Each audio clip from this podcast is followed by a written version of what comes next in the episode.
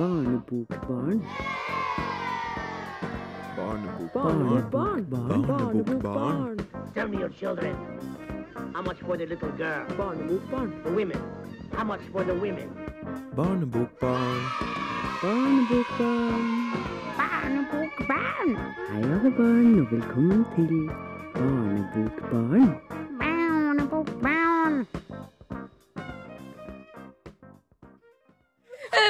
ja. Velkommen til Bokbarn. Eh, og for dem som håper nå at dere skal få en barneboksending, så eh, må vi dessverre skuffe dere. Eh, vi er litt sånn ute av rytme her, for det er vår første sending i høstsemesteret. Og det er jo kjempefint, men ja, vi strever litt med introen, altså. Det blir vanlig Bokbarn, men til gjengjeld så har vi en veldig eh, interessant sending. Eh, Maren, du har med mye artig. Eh, mye og mye. Jeg har i hvert fall med meg 'Perks of Being a Wallflower'. Og jeg har tenkt å snakke om både boken og filmen, så sånn sett kan vi jo si at det er mye. På et vis. Ja. En uh, Ingrid? Ja, jeg har med meg sommerboken av Tove Jansson. Ingen sommer uten å lese den. Er den, eh, den er ikke helt ny, eller? Nei, nei, nei. nei. Nei. 41 år i år. 41. ja. Hva med Vida, da? Du har også med noe spennende. Jeg har med meg hele to baksider av bøker. Fordi vi er jo så glad i å snakke om baksida til bøker eh, her i Bokbaren. Bokbarn. I tillegg så skal dere få høre ukas bok, men her er altså Crystal Stills med Future Folklore.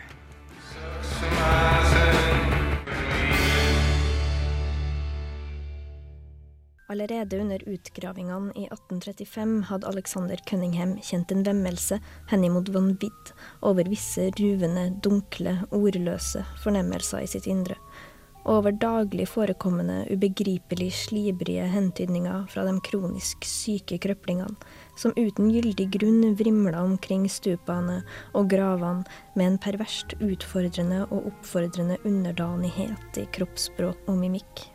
Deretter inntraff episoden med de onanerende sepoiene og konfrontasjonen med det visdomsstinne misfosteret som gjorde Cunningham sengeliggende med feber i to måneder.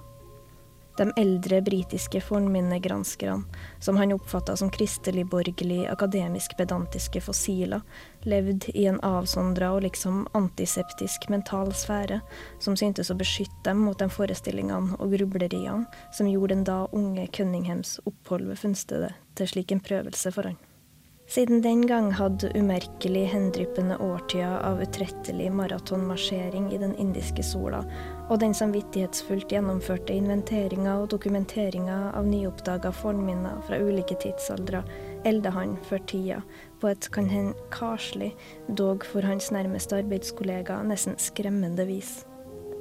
Han var tæra, svett, uttørka, avmagra, med øya så dyptsittende og gnistrende isblå at de knapt kunne skimtes med mindre den høyvokste oldingen retta dem direkte mot betrakteren. Få som iakttok Alexander Cunningham, ønska imidlertid at han skulle sette dem her på underlig vis tilsynelatende bortenforskuende øynene i dem. Det der eh, var eh, den nyeste boka til Nikanor Teratologen, som eh, er nok et vanskelig forfatternavn vi har med oss her i Bokbarn. Eh, til trøst så er det bare et pseudonym egentlig da for uh, Niklas Lundqvist, en svenske som uh, har gitt ut mye tidligere. òg. vi har annet snakka om boka 'Eldreomsorgen i Øvre Kågdalen'. Det var vel han som eh, tok med den hit den gangen han var med. Og det er en veldig lite hyggelig bok, kan man si. Og jeg tror ikke den her blir hyggeligere. Vi har ikke lest den ennå, men det her er en liten sånn teaser på what's to come. Vi skal videre. Vi har jo, det her er første, vår første sending i høst, og jeg lurer veldig på hva dere har eh, lest i sommer. jeg, da. Eh, hvis dere har fått tida til den slags. Nå, nå føler jeg sånn det, det som heter prestasjonsangst. Og så kom jeg på hva jeg svarte da jeg ble tatt opp for to år siden. Og da sa jeg Sommeren har vært så lang. eh, jeg husker ikke hva jeg har lest. Eh, jeg tror jeg måtte bare dekke over at jeg hadde blitt tatt opp i Bokbaren, og kanskje jeg ikke hadde lest noen bøker hele sommeren. Jeg leser mye at det er umulig å huske, liksom. Det, er bare det var mulig jeg supplerte med den Ja. setningen der. eh, Hvor skal jeg begynne, liksom? Ja, ja men én bok, kan vi komme opp med det, da? Eller? Skal jeg si det? Ja, si det. Jeg, jeg begynte på sporet av en tapt tid, da. Ja. Eh, og det, det har vært fint. Jeg tror aldri jeg kommer til å slutte med På sporet av den tapte tid, men det er fint å si at man, at man er i, i gang. Eh, og så er jeg i gang med det. Du, ja, du, og det kommer du til å være i gang med en stund, da, som, som jeg forstår det. Ja, jeg vet ikke. Jeg føler jeg blir, Er det lov å være litt flau over at man leser den? Er det? Altså, det er ikke sånn falsk eh, beskjedenhet jeg driver med, for at det er det mest fantastiske man kan lese. Men, men det er noe, noen slags sånn eh, fordommer som jeg har hatt fra før, som, som jeg oppfyller når jeg leser På sporet av den tapte tid. Kanskje fordi at jeg gjør det bare for å gjøre det. Gjør jeg det? Hvilke Eller gjør det fordi jeg er Sitter du i det? vinduskarmen og drikker rødvin mens du leser den, f.eks.? Er det litt uh... Ja, sant. Det kan jo hende at jeg har gjort, ikke sant. Og, og, og, og, men jeg har jo likt det godt. Og det er det viktigste, altså, at du har likt det med hånda på hjertet. Ja. Mm. Har dere kanskje lest noen bøker som dere har likt godt, uten å føle det teite? Jeg har i hvert fall lest ja. Milan Kundera. Det er en som heter 'Latterlige kjærlighetshistorier'. Da. Så det var morsomt. Ganske mye crazy ting folk gjør for kjærligheten, som både funker og ikke funker. Og, ja. Han har mye humor. Det var gøy, syns jeg. Mm. Enn du, Maren? Ja, um, jeg har på en måte ikke nødvendigvis følt meg teit for at jeg har likt de bøkene jeg har lest, men jeg har i all hovedsak lest bøker om på en måte triste ting i sommer. Eh, så da føler man seg kanskje litt kynisk når man ler. For eksempel så har jeg Ler du på de feile stedene og sånn? Det, Um, det er det som er så vakkert med bøker. Det er ingen som vet at jeg ler på feil sted. Men nei, jeg har lest eh, Good Morning Midnight, den var veldig fin. Så jeg har lest litt Linnea Myhre, fordi det hadde jeg som mål for å gjøre i fjor, og så gjorde jeg ikke det. Um, ja, selvfølgelig. Alt forsvinner i det øyeblikket Ja. man skal snakke om det. Å, oh, oh, uh, Sylvia Platt. Takk Gud. Det var så fint. Det var en veldig bra avslutning på året. Og jeg lo veldig lite, eh, men det var helt greit fordi den var så fin. så bra. Men dere, dere har lest masse. Dere er kjempeflinke. Jeg har ikke lest noen ting. Jeg har bare levert master. Jeg har lest teori. Så, det er ikke så verst, altså. Det er veldig lite spennende. Men eh, nå, da, jeg tenkte siden det her er liksom den eh, første sendinga, sånn, så kan vi tease litt hva vi skal ha fremover òg, bare sånn veldig kort. Vi har jo sagt det før òg, men eh, det skader jo ikke å si det en gang til. Vi skal jo annet ha en sånn barneboksending som dere fikk en, eh, en teaser på tidligere her. Eh, kanskje mer eller mindre vellykka, men eh, det skal vi jo ha. sant? Det skal vi ha. Det skal vi Det skal vi ha. Det må vi få til. Og så skal vi jo selvfølgelig gjennomføre Eventyrsendingen. Ja, den har vi snakka om lenge, men vi, er- vi kommer dit, altså. Og vi skal ha erotisk sending. Det blir kjempegøy. Hør på oss på Bokbarn på Radio Revolt. Her får dere Smiths med 'Asleep'. Sing me to sleep. Der var altså veldig rolige og veldig fine 'Sleep' med, av The Smiths. Og det, den låta der er hovedlåta i eh, boka vi skal snakke om nå, som heter 'Perks of Being a Wallflower'. Eh, hvorfor er akkurat denne låta? Um, jo, det er fordi hovedkarakteren eh, Charlie i denne boka, som er en litt sånn skrudd og underlig tenåringsgutt, han eh, han knytter seg veldig til forskjellige låter, og akkurat denne er liksom den han liker best. Så når han f.eks. skal lage en mixtape til bestevennen sin, så er- må A 'Asleep' være med to ganger, da. Ja. Det er en sånn låt at det må være to ganger på samme mixtape, på en måte, fordi det blir aldri nok 'Asleep'. Nei. Blir det nok for det, etter å ha lest? Eh, egentlig ikke, fordi jeg satt og hørte på soundtrack til denne boka mens jeg leste den, og syntes det var eh, veldig fint. Det er en av de tingene som er veldig bra med den boka, at det er så mye fin musikk. Som jo også er grunnen til at filmen har blitt veldig fin, fordi de har jo bare hatt masse god musikk å ta av. Ja, for du eh, greide ikke helt å bestemme deg her eh, om du likte filmen eller boka best. var det noe sånt? Nei, jeg gjorde ikke det. Eh, For ehm, grunnen til at jeg bestemte meg for å lage en anmeldelse av det For boka er jo fra 1992, og filmen er fra i fjor, så på en måte ingen av delene er egentlig sånn superrelevant. Men ehm, som den lille nerden jeg er, så følger jeg ehm, hun Å, oh, herregud, Emma Watson. På Twitter. Og hun eh, driver naturligvis og Ja, ja, få det ut av systemet deres! Men det er Ok. ikke så redde til det. Jeg skjønner ikke Nei da, det grenser til stalker, men det går fint. Uh, I hvert fall, um, det hun har skrevet mye om, da, er hvilke uh, priser denne filmen har drevet og hanket inn, og det har vært ganske mange. Ja. Um, Og så Derfor så ble jeg interessert i filmen sånn på nytt. Og så så jeg at det er samme fyr som har laget manuset, som har skrevet boken. Så tenkte jeg at det er jo egentlig litt uh, interessant, fordi det, det er jo ikke så vanlig, på en måte. Uh, så da var det et veldig tett bånd der. Så tenkte jeg sånn OK, dette kan bli en kul sak. Og så sjekket jeg opp litt om skuespillerne. Og altså, Emma Watson har jo spilt Hermione i Harry Potter. Og uh, Logan Lerman, som spiller hovedrollen i Perks of Being a Wallflower, har spilt i Percy Jackson, som jo også er en bokserie. Ja. Og Ezra Miller har spilt i eh, hva den heter? There's Something About Kevin, tror jeg. Ja. Eh, og nå skal han spille i, og dette gleder jeg meg så mye til at jeg holder på å dø. uh, Emma Bovary. uh, så det tror jeg kan bli veldig fint. Så det her, er, det her er skuespillere som er både altså, bok og film og Ja, og eh, på en måte hele filmen er jo fullt av ting man kan snakke om som er relevant for bøker. Og filmen er kjempefin, og boka er kjempefin, og til slutt så ble det sånn fin overload, og så klarte jeg ikke å bestemme for hva jeg skulle si, og så tenkte jeg at denne saken her kommer til å bli 20 minutter, og det kommer til å bli veldig kjedelig å høre på. Så til slutt så ga jeg opp. Jeg tror det her er første gangen i Bokbarns historie at vi har gitt opp en sak fordi den er for god. Eller for mye å si. Det Ja, men jeg satt bare der og på en måte skrev stikkord og skjønte at sånn, ok, det, hvert stikkord vil jeg gjerne snakke om i fem minutter.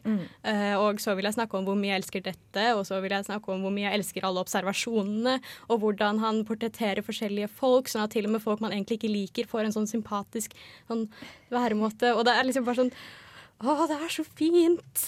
Det er noe Det er en anbefaling, skjønner jeg. Ja, det er en anbefaling, men det er faktisk en anbefaling av både bok og film. Ja. Så og Vanligvis så pleier jeg å slå et veldig hardt slag for sånn ja, ja, du kan se filmen og lese boken først. Men nå er det litt sånn ja, du må bare gjøre begge deler, egentlig. Mm. Så lenge man gjør begge deler, så er du fornøyd. Ja. Det er... Men vi skal jo høre en opplesning. Hva Vil du si litt om den før vi setter i gang? Ja, det er bare et veldig kort sitat av uh, hovedpersonen Charlie, som sitter og reflekterer litt over hans Reflekterer, faktisk. Reflekterer over sitt forhold til musikk og uh, Ja, det, tror egentlig at det holder. And I thought about how many people have loved those songs, and how many people got through a lot of bad times because of those songs, and how many people enjoyed good times with those songs, and how much those songs really mean. Sommerboken. Da Tove Jansson tok farvel med Mummidalens venner i 70-åra, tok forfatterskapet en litt annen retning. Dama skulle bli voksenbokforfatter. På ordentlig.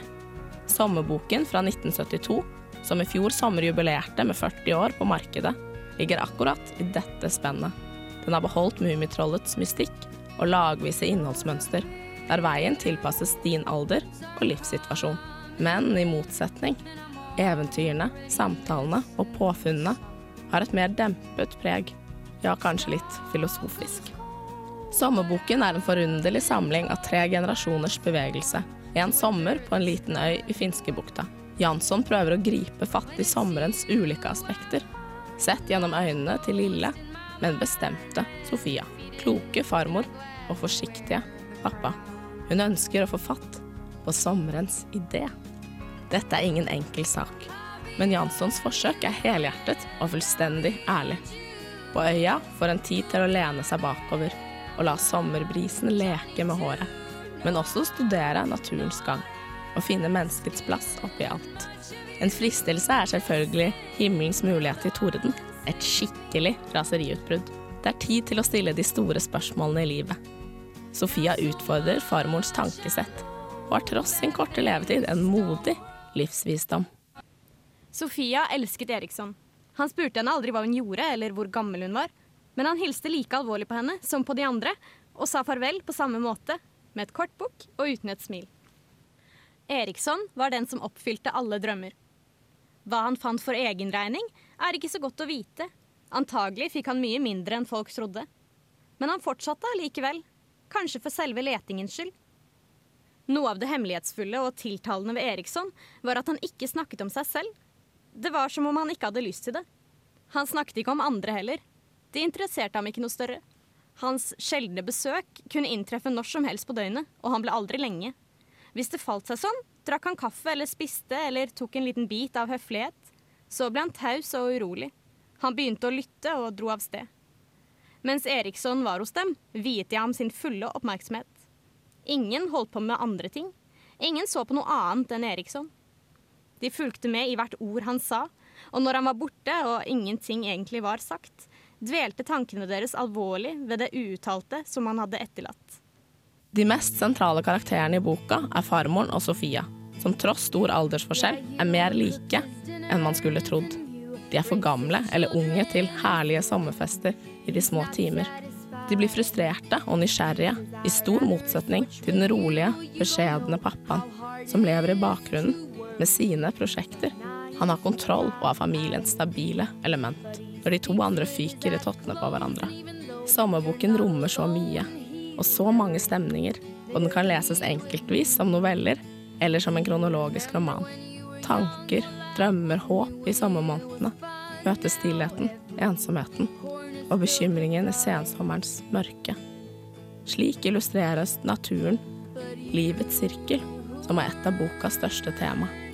Til tross for sine nå 41 år holder den seg godt. Den er usedvanlig klok og svært, svært vakker. Har du først oppdaget den, så tror jeg støvlaget i bokhylla er høyst en vinter gammelt. Det blir ikke sommer uten å lese Sommerboken.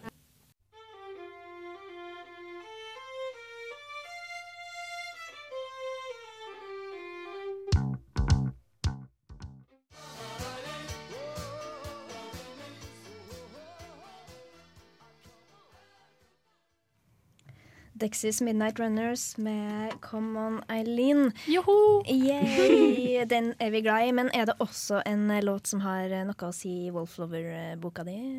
Den, eh, den er viktigst for filmen, kanskje, fordi ja. de har en dansesekvens til. Men det er jo ganske mange låter som er på denne mixtapen, da.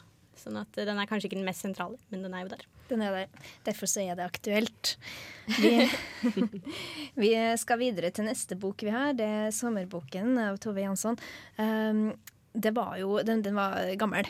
Ja, den er gammel. Virkelig, virkelig gammel. Men uh, det er nettopp det som jeg syns er så fint med den, da, at den på en måte holder seg godt. Og den er jo veldig sånn ja, tidløs, liksom. Det er ikke noe den knyttes ikke opp mot noe spesielt som gjør at vi ikke føler at vi kjenner oss igjen, da. Nei. Og spesielt nå syns jeg også på en måte at den passer veldig fint, fordi ja, som en sånn parallell til vårt samfunn, så har man jo alltid den drømmen om om sommeren å bare reise bort på en øy og være der uten mobilen sin, og tidsbegrepet forsvinner og hele den greia der, da. Ja. For det blir liksom selv i sommerferien hvor du skal slappe av, så skal man jobbe, og så skal man treffe venner, og så skal man Ja, det er mye mas og kjas da også, på en måte. Det hadde vært deilig å bare virkelig få tid til å, til å være sånn som Sofia og farmoren og bare prate og, og snakke og stille alle mulige spørsmål du har oppi hodet ditt, da. Er det derfor du eh, tok den frem nå? At du blir litt sånn, man blir litt lei av alle de her sosiale, sosiale medier og alt mulig man skal være tilgjengelig. Føl- var det godt å på en måte forsvinne litt i sommer? Kanskje litt, kanskje litt. Men det er jo på en måte alltid den drømmen jeg har om sommeren, egentlig. Å bare virkelig kjenne på den følelsen av alltid. Da jeg var liten også, så var jeg veldig sånn Ville gjøre de samme tingene hvert år, og det skulle skje på en måte mye, fordi sommeren er jo en tid hvor det er mye gøy som skjer, og det er viktig å på en måte ja, oppleve en del, da, eh, og fortelle om. Men eh, jeg skulle egentlig ønske at jeg bare kunne bare være et sted sykt lenge og bare ja, ikke egentlig holde kontakten med noen, eller bare sånn Kanskje med et par gode venner, og så bare ja, Ja. sitte der. Det tror jeg, vet du, jeg tror det er flere som føler på det akkurat den der. Altså bare kunne slette, slette noen venner fra Facebook innimellom og skru av mobilen. Jeg hadde en hel dag i går der jeg, jeg glemte å lade den min hjemme hos mamma og pappa. Og så tenkte jeg sånn åh, skal jeg gidde å fære opp og hente den igjen? Og så gjorde jeg ikke det. Og så greide jeg faktisk å gi faen. Eh, hvis det var noen som ringte, så fikk de bare ringe. Og det var kjempedeilig. Ja. Litt sånn utvida sommerferie, sånn sett. Ja, men sånn er jeg det, for at mobilen min driver og skrur seg av uten at jeg vet det. Sånn at Oi. plutselig så er jeg bare ikke kontaktbar, eh, og så vet jeg ikke om det, så da er det ikke et aktivt valg, og det er så deilig. Så da kan jeg ta sånn oppsamlingsheat hvor jeg plutselig kommer på at jeg har mobil, og så bare tikker det inn meldinger, og så kan jeg velge om jeg vil ringe opp igjen, for eksempel. Ja, for da har du, det har gått så lang tid da, at de, hvis det er noen sånne meldinger som er litt slitsomme, så har du på en måte allerede Da slipper du å svare, for at da har det gått. tid. Ja, sant. Men det, altså, det blir jo faktisk nesten som å være på en øde øy og ikke ha mobil. Ja. Det syns jeg er rart. Det kan virke som at vi er den util eller det utilgjengelige programmet. For min mobil har eh, lydløs-knappen har satt seg fast. Så min mobil er alltid på lydløs. Det er veldig kjekt. Vet du, vi virker jo litt sånn um, Vi er allerede litt bortgjemt i bokbarn. Ja, men hallo, vi er på Facebook, faktisk. Ja, og hvis du, Hello, vi er fotobooth av et bilde. ja, hvilken adresse skal man gå inn på for å se det, da? Eh, Facebook.com. Ja. Så skal man søke på Bokbarn. Ja, det skal Ja. man. Og da kommer det opp, og der er det masse annen info også som er veldig interessant for dere som hører på. Og husk for all del å trykke like. Ja. Vi blir veldig glad for like. Vi teller likes. Vi samler på likesa. Og vi legger merke til hver eneste en. Så det er bare å Jeg tror ikke dette hjalp for å gjøre oss mindre på det. Men eh, når vi først er i gang, så kan vi jo bare tusen takk til deg som har retweeta oss i dag. Ja, det er sant. Det er noen som har gjort, som ikke er meg. Eller altså, jeg har gjort det, jeg òg. Men Det er en vi ikke kjenner. ja, dette setter vi pris på. Og det, det står som en sånn der skrevet i stein i Bokbarns historie. Håper du hører på. Ja. Men kan vi, kan vi gå tilbake til sommerboken? Ja, det jeg følte at det ble en digresjon her nå. Eh, for det her er jo det har vært, du, du nevnte jo det i, i um, den saken du hadde lagd til, som vi hørte tidligere. Men um, er det en barnebok, eller er det en voksenbok? Det har vært litt debatt. Ja, det er jo på en måte litt sånn som er med Tove, Nil nei, Tove Nilsen, sier jeg. Tove Jansson eh, og Mummitrollet også, på en måte. At det er det der at du kan lese det på forskjellige måter ut fra hvor gammel du er, og at man, det er gjerne mye dypere enn det kanskje et lite barn oppfatter, men samtidig så skal man på en måte ikke undervurdere et lite barn heller, da. Sånn som i denne boka her, så er det på en måte Sofia som den lille jenta da, som stiller noen av de klokeste spørsmålene på en måte, og hun virkelig avslører hvis farmoren hennes tuller og sier at ting er enklere enn det det er, da, fordi hun er liksom virkelig opptatt av å finne sannheten, og ja. Og det merka jeg altså sånn i sommer, da jobba jeg med barn, og der Du må noen ganger virkelig bli litt satt ut over hvordan du skal svare på spørsmål, for du kan, kan ikke tulle med noe, altså. Plutselig så er du ute og kjører, liksom, og du må bare greie å, å tilpasse litt. Det er vanskelig. Men du blir minnet på, minnet på mange ting som jeg hadde glemt at jeg lurte på en gang i tiden, og bare har godtatt, egentlig. Ja, man ja, At man eh, stiller spørsmål uansett. Mm, Bevare den nysgjerrigheten. Det er jo viktig i studier og alt også. Ja. Vi er så kloke. Men eh, så det, hvorfor eh, tror du Hvorfor skal man lese den nå, da? Og ja, for man skal man lese den? Ja, man skal lese den. Jeg syns, som jeg sier også i anmeldelsen, at det er på en måte en bok som alltid har noe å si, da, fordi den er jo veldig sånn Ja, mange historier som forteller på en måte ja, om livets sirkel, da, som jeg sa i stad. Så det er jo på en måte alltid noe som passer for deg. Ja. Og både om sommeren og høsten og egentlig vinteren, hvis du savner sommeren eller savner bestemoren din, eller ja, alt mulig.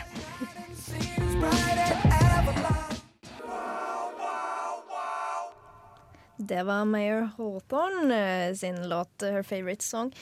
Vi eh, er ferdig med bok nummer én og bok nummer to, og skal over på noe som vi er ganske glad i her i Bokbarn.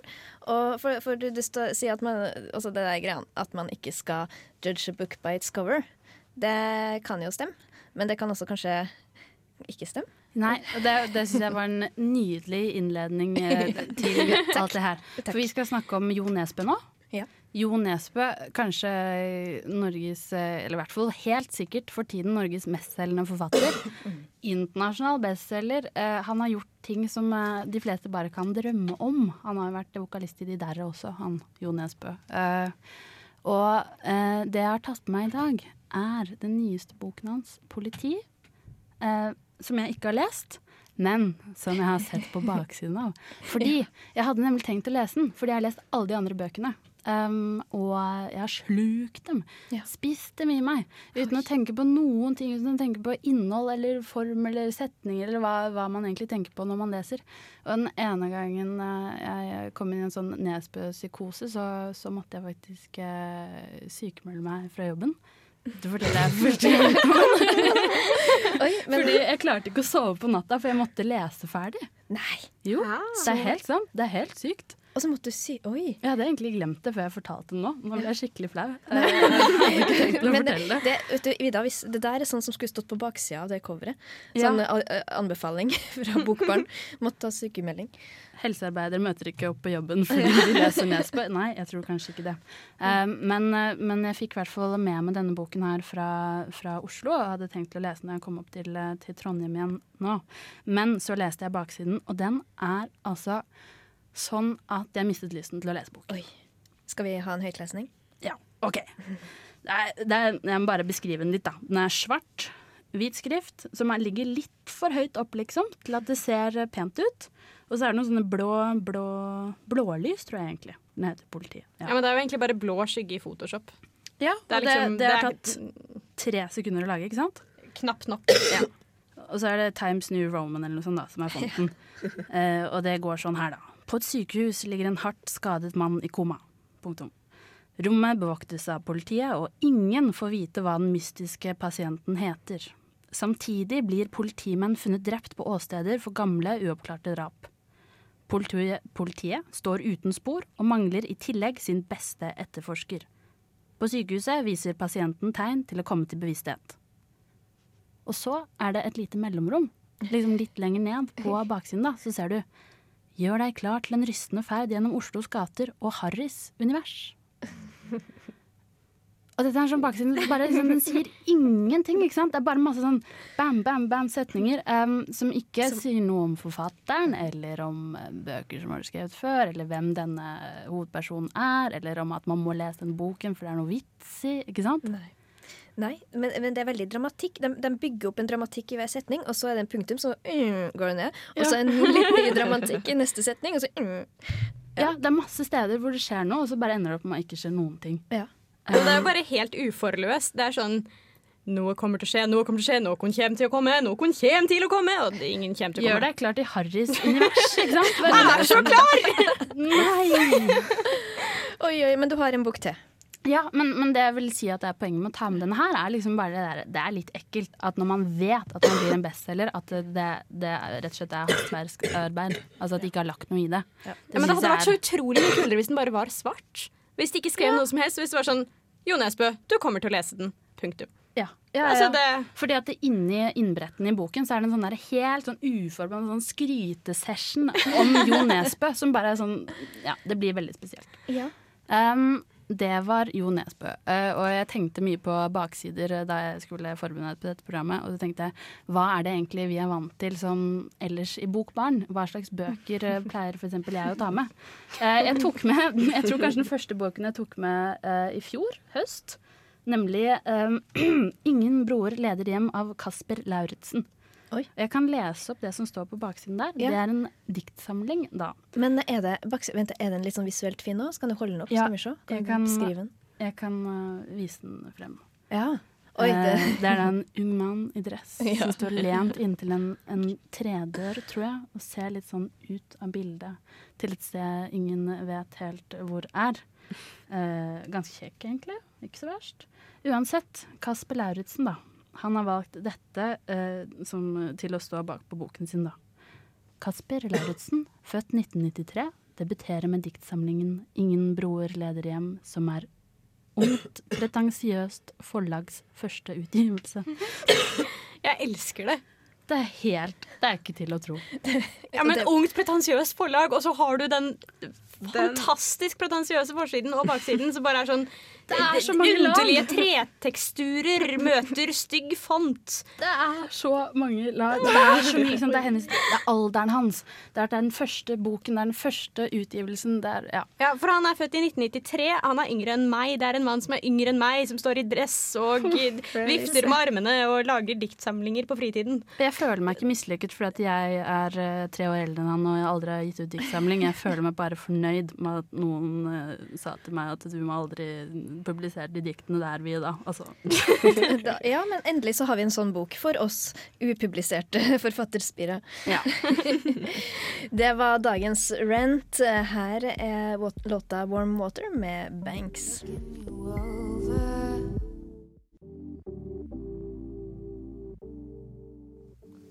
Der fikk dere Banks med 'Warm Water'.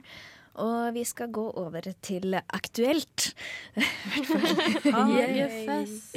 Hagefest. Er det aktuelt? Det er veldig aktuelt. Eh, Det er jo allerede på søndag. Det er det. Eh, men eh, vi er jo glad i hagefester, alle som er her i dag i Bokbaren. Og skal vi bare innlede med å høre litt om hvordan, hvordan, hva skjer på sånne litterære hagefester? For det er en litterær hagefest. da. Maren, har du noe Tilfeldigvis. Er det tilfeldigvis en bestemt anekdote vi leter etter her? Nei. Nei, nei, Nei. ok. Øh, ok. Um, jeg var, uh, For et par år siden så klarte jeg å rote meg inn på Aschehoug sin hagefest i Oslo. Uh, hurra. Og der kjente jeg jo ingen, egentlig. Så jeg valset rundt med alkoholen min og visste ikke helt hvor jeg skulle gjøre av meg, og det hele var litt underlig. Veldig hyggelig, men underlig, på en måte. Og så um, sto det én mann borti hjørnet og sto helt alene. Og jeg tenkte sånn Yes, OK, det er én annen, det er et utskudd som ingen kjenner. Yes, jeg skal snakke med ham, vi skal bli bestevenner, dette blir bra. Um, så jeg gikk bort til ham, og så tok jeg litt sånn nonsjalant og bare Ah, Aschehoug. Skulle trodd at de hadde øl uten regnvann i, da. En jeg tenkte liksom at det er en kul måte å starte en samtale på. Og så så han litt på meg, og så var han litt sånn ja, jo, for så vidt. Og så hadde vi en liten samtale om øl, og hvor øl er bra, og hvor øl ikke er bra, og hvorvidt man burde drikke vin til ølen sin eller ikke. Han mente at det burde man ikke. Uh, jeg hadde allerede drukket vin til ølen min, så vi var visst uenige der. Uh, og så til slutt så skjønte jeg på en måte at ok, det er ikke sikkert at jeg er hans ideelle samtalepartner. Det er mulig han syns jeg er litt kjedelig. Og så på en måte gikk jeg litt sånn slukøret min vei. Og så plutselig så var jeg omringet av masse mennesker, og det var veldig rart, fordi det var ingen som hadde villet snakke med meg så veldig mye tidligere på kvelden. Men alle sammen var sånn 'Hvordan var han?' Og jeg bare øh, Hvem?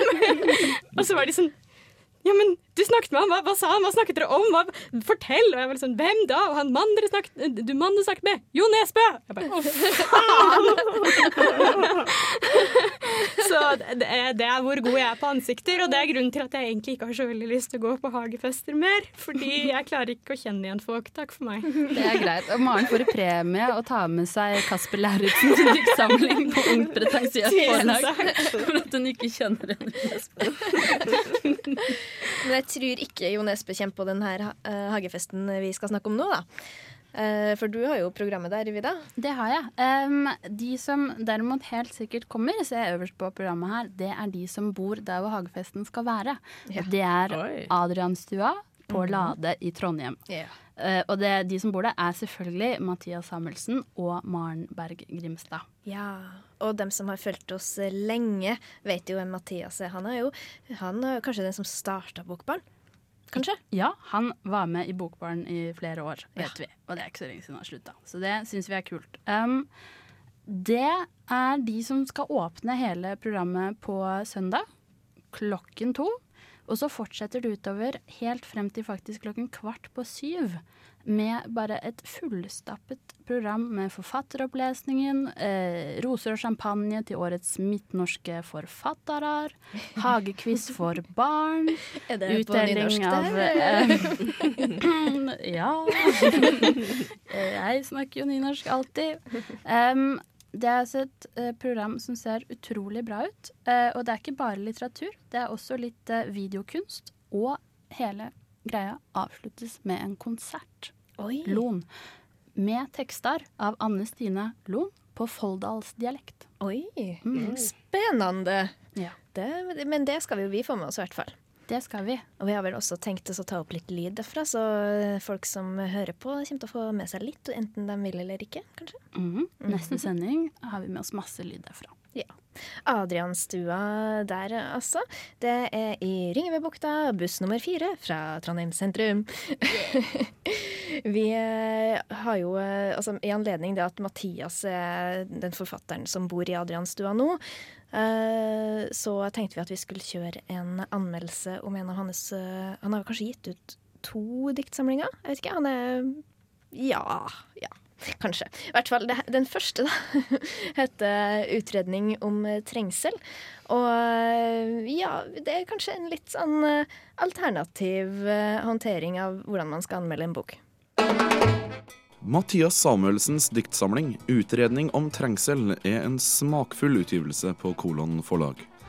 ISBN-nummeret 9788-205-390638 samt forsida en visuell fest som best kan beskrives som en James Bond-inspirert visjon av å skue ut over et lilla landskap fra innsida av ei bjørnerev, gjør at dette er en bok man raskt legger merke til. Bokas 45 sider er lett å bla i. Det er tydelig at trykkeriet Tlakiarne i Slovakia har gjort seg flid med denne utgivelsen. Boka er for øvrig satt med 10,5 og 13 punkts Sabon hos Typeit. Bokas størrelse på om lag 10 ganger 18 cm samt lav vekt gjør at det her er en fryd av en bok å bære rundt i en lomme. Gjerne stikkende frekt opp av jakka om du blir inntrykk av at du har lest ei bok en gang. Rolf M. Aagaard har knipsa et raft omslagsfoto av forfatteren, som gir inntrykk av at Mathias Samuelsen er både høyere og kjekkere enn han egentlig er. Men det her er jo tross alt omslagsfotoets misjon. Prisen på noen og 200 kroner virker kanskje litt stivt, med tanke på at man for samme pris kan få i alle fall ett gram makka i Oslo-området, eller to gram tjall hos en skikkelig gnien dopdealer. Men hva er nå egentlig sånne her flyktige gleder mot en bok som kan forme ditt image som en kvasintellektuell kødd? Ja, det var Asle Fossum sin eh, beskrivelse av utredning om trengsel. Mathias Samuelsen sin diktbok. Eh, Nå er det jo sånn da at eh, det er litt problematisk å skulle anmelde at Bokbarn skal anmelde andre medlemmer i Bokbarn sine bøker. Uh, og derfor så måtte vi, Asle, uh, eventuelt gå litt alternativt til verks med denne boka. Ik ikke noe ille om det. Jeg syns det var fantastisk. Vi trenger et bredt, spekter innenfor kritikken. Eh, Men den dagen Maren utgir um, f.eks. innredning av fengsel på Ungt pretensiøst forlag, så håper vi at alle vil ha sluttet, sånn at du kan få en ordentlig anmeldelse. Det er faktisk en sabla bra tittel. Jeg kommer til å stjele den. Å, nei, jeg har lyst til å lage en anmeldelse om uh, tyngde og bokomslag til deg, Maren. Um, men bokomslag har vi jo allerede vært innom, Vida. Du uh, har to eh, sånne skatter med deg. Mm. Har det vært uh, fine? Det var fint å, å lese baksiden, og en gang skal jeg lese innsiden, og så Det blir neste sending, da skal jeg lese en bok. Ja. I tillegg så har vi hatt med oss bøker, og vi har hatt uh, ukas bok. Uh, det var Nikanor Terratologen, og så hadde vi Tove Jansson. Og uh, forfatteren av 'Perks of Being a Wallflower', sa vi noen gang det, Maren? Nei, jeg prøvde så godt jeg kunne kunne. ja, fordi det er ikke så lett å uttale. Men det er Steven Chbosky. Takk for meg. Da, I studio i dag så har vi vært Maren Skolem, Vidar Sundset Brenna, Ingrid Kveim Skarholt, jeg heter Line Bjerkan, og teknikeren vår har vært Hildegunn Kristiansen. Vi høres om ei uke. I didn't want to care.